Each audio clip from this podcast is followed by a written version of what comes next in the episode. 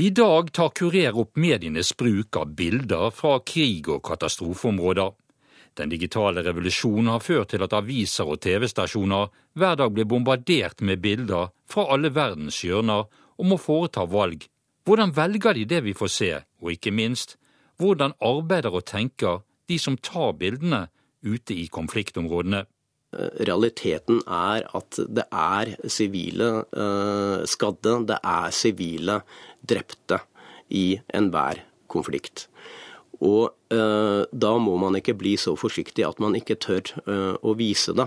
Eh, blir vi for snille, så, så kan det også virke altså snille nå i, i gåseøyne sagt, så kan også det virke eh, delvis mot sin hensikt, ved at vi da ikke får vist en hendelse, vist en, en, grusom hendelse så grusom som den faktisk er, slik at folk da kanskje får en, et feilaktig inntrykk av hva som egentlig har foregått.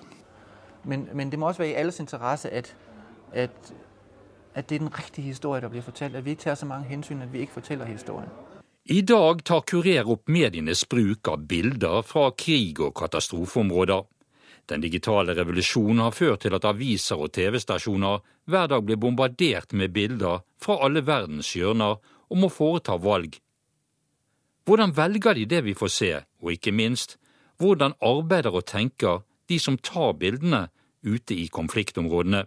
Jeg har sensurert meg selv uh, i opptakssituasjonen, uh, og jeg har også gjort det motsatte.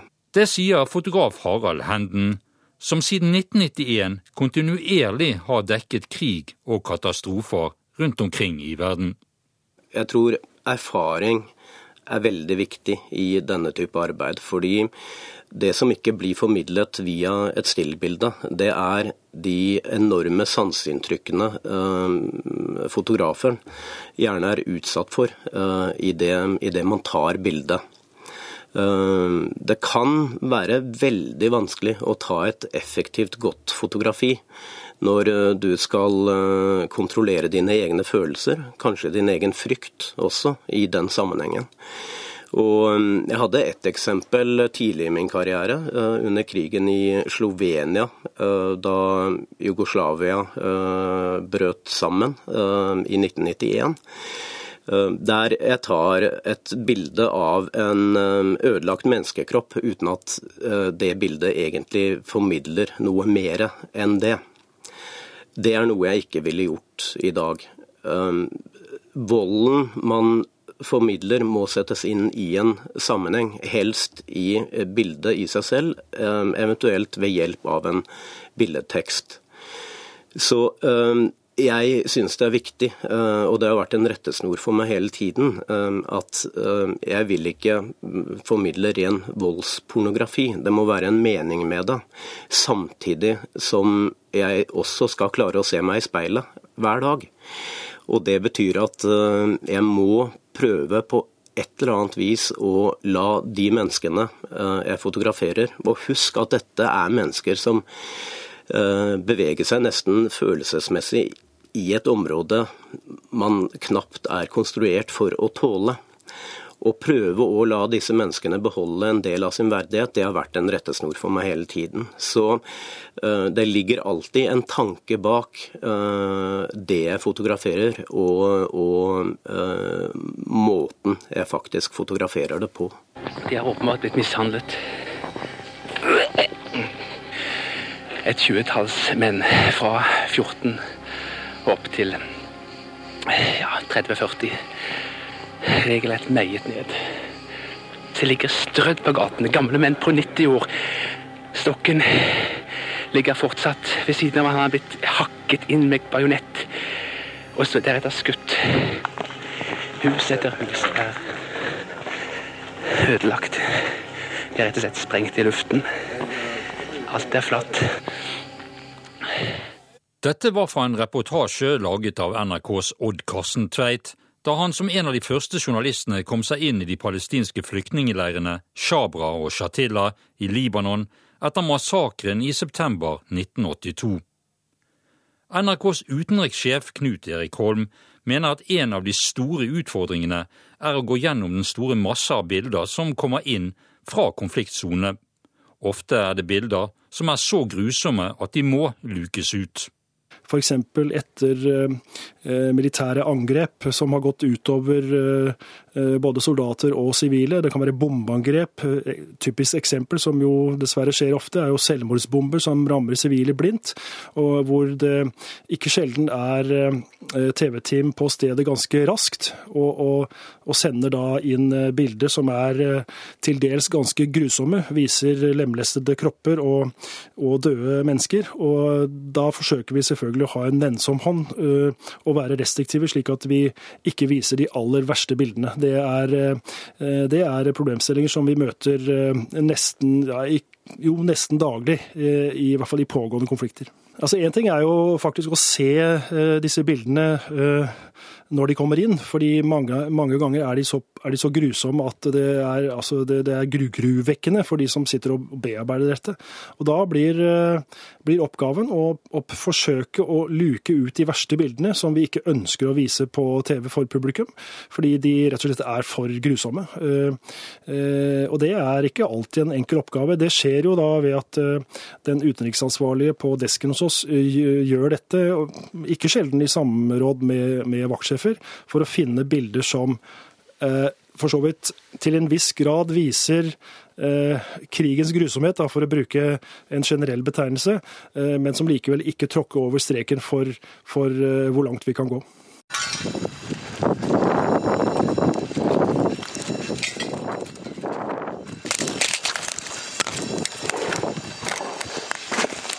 Hallo? Hallo? Noen skal dere hjelp? Dette er lyden av en fotograf som prøver å ta seg frem i regjeringskvartalet den dagen terroren også viste ansikt her til lands, den 22. juli 2011.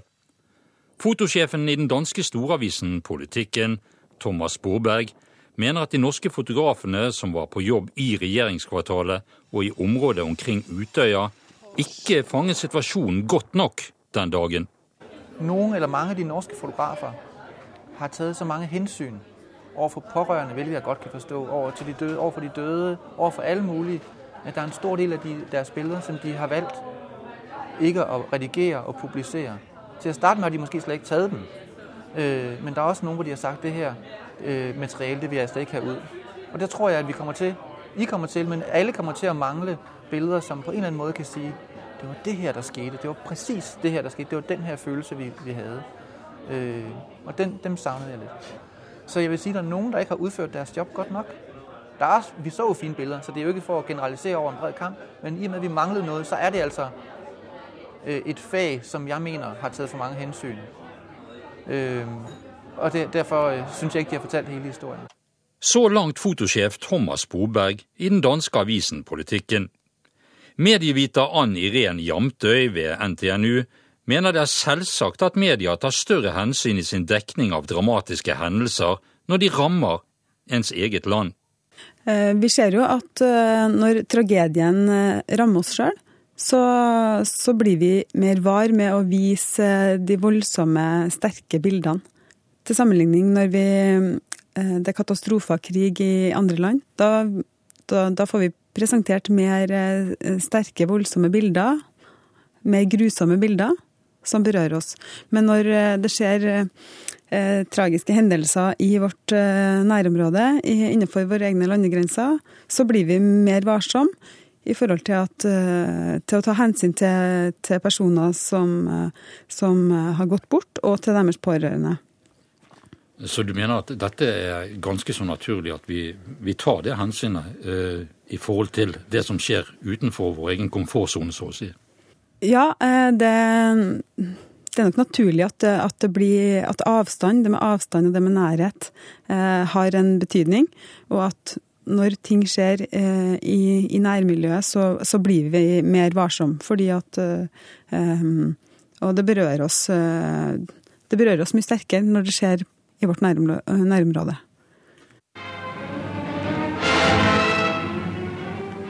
Østlandet har sitt Grini og Bredtvet. I Trøndelag har man Falstad, hvis dystre historie markeres av en rekke massehenrettelser, like uhyggelig og omfattende i sin brutale råhet som det man oppdaget i Trandumskogen. Via Dolorosa, smertens vei, fra Falstad opp til myene i dødsskogen. Verden vil ha bevis. Her avdekkes de tyske grusomhetene. Her åpnes to fellesgraver som gjemmer heltene fra Majavatn. Det er tyske Gestapo-folk som graver. Mannen til venstre er den tidligere kommandanten på Falstad. Dette klippet er hentet fra Ukerevyen sommeren 1945, som gikk på landets kinoer og viste åpningen av gravene i Falstadskogen etter frigjøringen. Fotosjef Rikard Sagen i Adresseavisen mener den etiske standarden for bildenes innhold bør være de samme om de er hentet fra Afrika, Midtøsten eller for den saks skyld Norge. Vi prøver å holde samme måte, etiske standard på de bildene som vi publiserer fra utlandet, men hvis jeg skal være helt ærlig, så vil jeg tro, hvis man analyserer oss over tid, så tror jeg vi får se at vi kanskje er litt mer liberale i forhold til utenlandske katastrofer enn ting som skjer her hjemme. Et godt eksempel er jo eh, Utøya, f.eks. Der eh, det var en svensk fotograf som het Niklas Hammarström, som var på Utøya. De, de bildene har sikkert veldig mange sett. De er ikke publisert i Norge ennå, men de er publisert en rekke plasser internasjonalt. Og det vil gå veldig lang tid før norske medier tør å akseptere og trykke de bildene. Men at det kommer til å skje, det tror jeg nok. Men vi ville kanskje trykt de samme bildene hvis de har vært fra et annet sted i verden. Kanskje. Det, det vil jo vurderes ut fra hvert enkelt bilde og masse hensyn til identitet og identifikasjon og sånne ting. Avstand i tid og avstand i, i lengde til åstedet eh, er vel to eh, kjente faktorer man bruker. Nettopp. Det er et veldig viktig poeng. da. Det er Eh, si, den, den, etiske vurderinga rundt publisering av sånt materiell den forandrer seg eh, etter hvert som tida går. Og Det eksempelet du kom med er jo et godt eksempel, og jeg tror vi får se det samme i forhold til de bildene og det materialet fra Utøya om, om tid. Vi vet ikke hvor lenge tid det tar før det på en måte aksepten er der, men eh, det vil være noe som redaksjonene må vurdere fortløpende i året som kommer. Utenrikssjef Knut Erik Holm i NRK er enig i at man bør ha samme etiske standard når det gjelder bilder som er tatt i Norge, som bilder som er tatt utenfor landets grenser. Eh, ja, jeg kjenner til den problemstillingen, og vi er, eh, forsøker å være oppmerksom på den.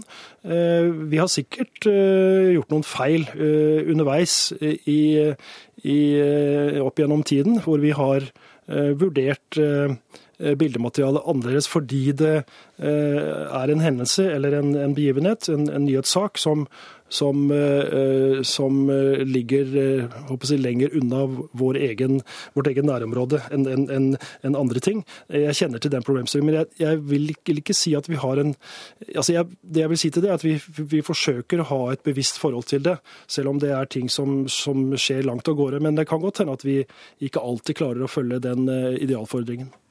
Fotograf Harald Henden mener det er og har alltid vært to etiske standarder når det gjelder bilder tatt her hjemme og bilder tatt i utlandet. Ja, slik er det. Og øh, slik har det alltid vært. Hovedårsaken øh, til øh, dette her hjemme er jo først og fremst å beskytte pårørende eller å ta hensyn til pårørende som skal slippe å se sine nærmeste eh, i en slik situasjon. Eh, og det er en retningslinje jeg syns er, er viktig å forholde seg til. Derfor så er det enklere for oss, det var i hvert fall enklere, å kunne publisere sterkere bilder Eh, når den geografiske avstanden fra publiseringsstedet eh, er større. Det har nok forandret seg litt, fordi i dag så er jo de fleste medier globale. Du kan slå opp VG sin nettside uansett hvor man befinner seg i verden. Samtidig som sjansen for at noen i Afrika eller i Midtøsten skal gjøre det og se noen av sine nærmeste i en forferdelig situasjon, er selvfølgelig mye mindre enn om det skjer i Norge. Så det er en naturlig uh, forklaring uh, på dette. Samtidig så um, skiller jeg også litt mellom uh, f.eks. en naturkatastrofe og en konflikt, i forhold til hvor sterke bilder som, uh, som, bør publiseres. Rett og slett fordi i en konflikt så er det mennesker som er ansvarlig for det som foregår. Det er mennesker som er ansvarlig for volden, for overgrepene. Og derfor blir det kanskje viktigere å vise noe sterkere bilder enn det man gjør fra en naturkatastrofe der, der ingen har egentlig en skyld i, i det som skjedde. Ehm, så den geografiske avstanden vil, vil, alltid ligge der. Det vil alltid være uh, slik som du beskriver, at, uh, at uh, man kan publisere noe sterkere bilder fra, fra stedet som ligger langt geografisk unna. Samtidig så Eh, kan man eh, også eh, publisere sterkere bilder på, på nettet, som går litt imot det jeg kanskje sa akkurat nå. Rett og slett fordi der har folk et eget valg om man vil gå inn og se disse bildene. På billedspesialen min fra Gaza så lå det hele tiden en advarsel om at her vil du se sterke bilder hvis du klikker på denne billedspesialen og velger å se den.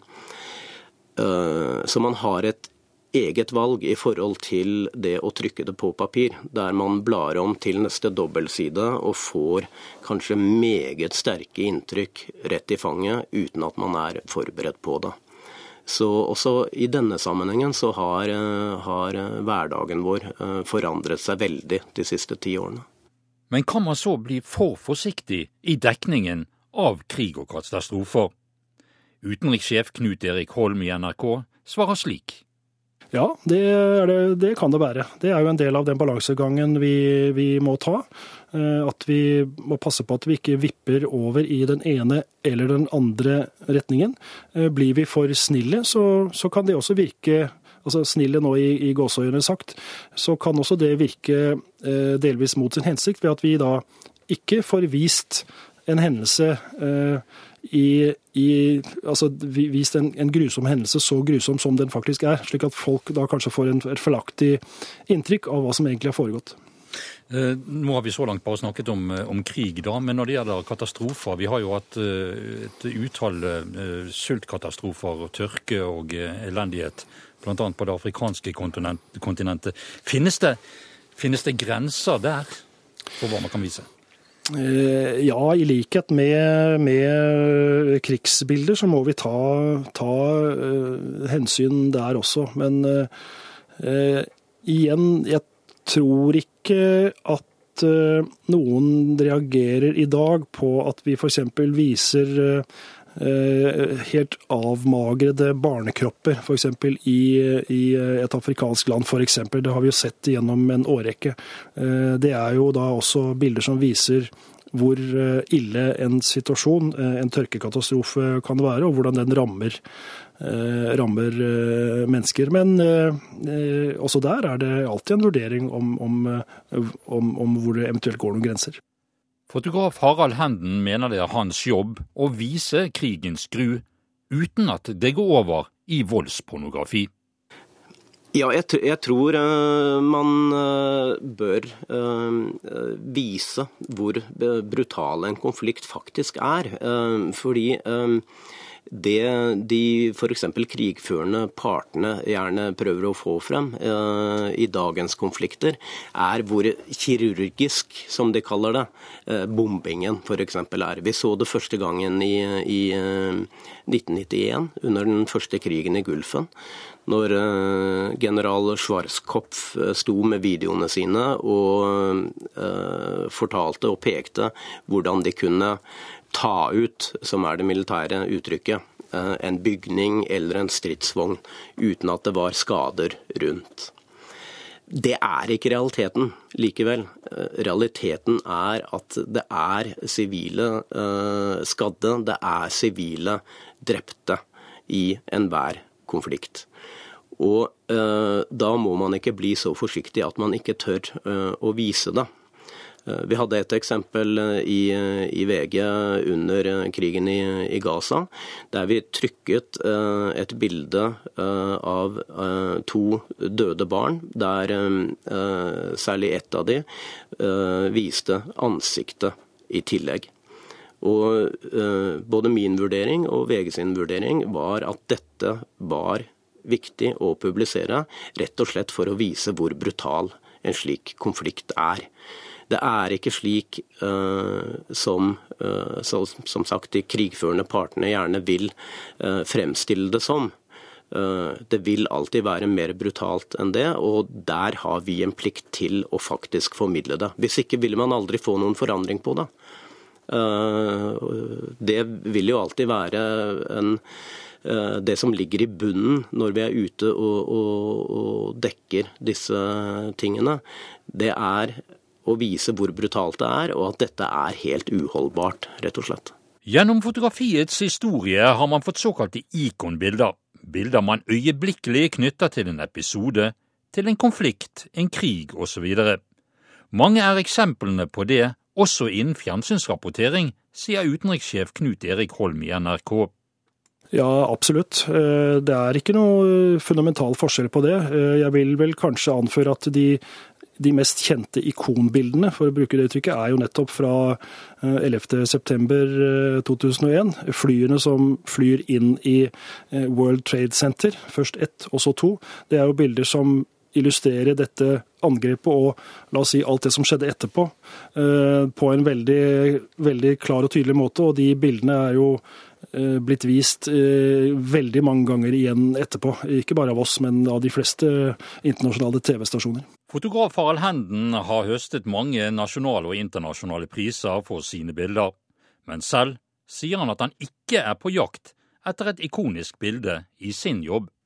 Um, jeg dokumenterer uh, så godt jeg kan ut ifra mitt håndverk og talent, eventuelt, det jeg ser. Så eh, det er ikke noe jeg tenker på under eh, arbeidet eller under eh, opptakssituasjonen.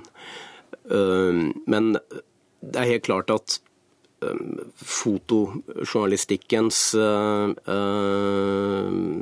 topp den, den ligger nok noen år tilbake. Det var på sett og vis enklere å øh, øh, ta, eller at et bilde blir en form for ikon, den gangen man ikke ble bombardert på samme måte som det man gjør i dag. Øh, du kan tenke på Robert Kappa fra den spanske borgerkrigen.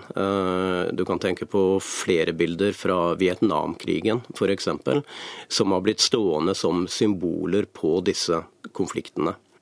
I dag så er nok det vanskeligere, fordi uh, de visuelle inntrykkene vi alle blir utsatt for uh, gjennom uh, fjernsyn, TV, TV på web og stillbilder på web, og også sosiale medier.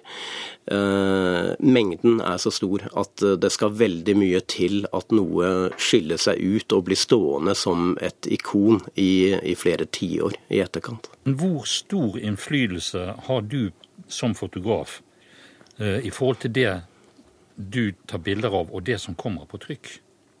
Jeg har jo veldig stor innflytelse i opptakssituasjonen. Eh, jeg velger hva jeg skal ta med i den rammen et fotografi faktisk er. Eh, og jeg kan legge på flere lag i den rammen. Og antyde ting som gjør at leseren kan, kan tenke selv og tolke et bilde selv. I tillegg så når jeg er ute og sender hjem bildene, så vil jo jeg alltid foreta en redigering eh, i forhold til hva jeg synes er det beste eh, bildet for å fortelle den historien jeg gjerne vil at leseren skal eh, se. Men uh, det vil alltid være, uh, og, det, og, slik må det være, en redaktør, en bilderedaktør, en redaksjonssjef som har det avgjørende ordet i forhold til hva som skal på trykk, eller hva som skal publiseres uh, på nettsidene våre, uansett hvor det blir publisert. La oss avslutte denne ukes Kurer med en historie som viser at fotografiet fremdeles kan være med og påvirke i positiv forstand. I 1998 eh, så var det en veldig alvorlig sultkatastrofe i Sør-Sudan. Og uh, jeg kom meg ned dit sammen med journalist Tom Bakkeli og dekket den. Et veldig utilgjengelig område. Få journalister hadde vært der tidligere. Og eh, etter å ha kommet oss inn dit og vært der i to døgn, og så tilbake igjen til Nairobi i Kenya, laget vi en uh, reportasje på uh, seks sider i VG den gangen. Og reaksjonene på de bildene og den reportasjen hjemme var, uh, var veldig, veldig store. Eh, det førte umiddelbart til at eh, de fem store hjelpeorganisasjonene åpnet eh, konto nummer én og satte i gang en spontan pengeinnsamling. Og de fikk inn mye penger i den sammenhengen. Og det var faktisk utløst av vår reportasje. Så det kan helt klart gjøre en forskjell. Eh, nå begynner dette å bli noen år siden. Eh, man ble ikke så bombardert med bilder som det man, eh, man, gjør i dag.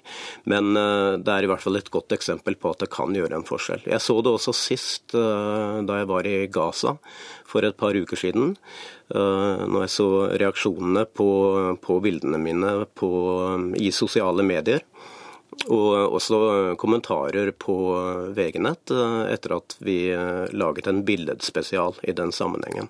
Og det er faktisk litt interessant, fordi på et eh, tidspunkt så var den bildespesialen den niende mest sette saken på VG-nett, og det er veldig høyt.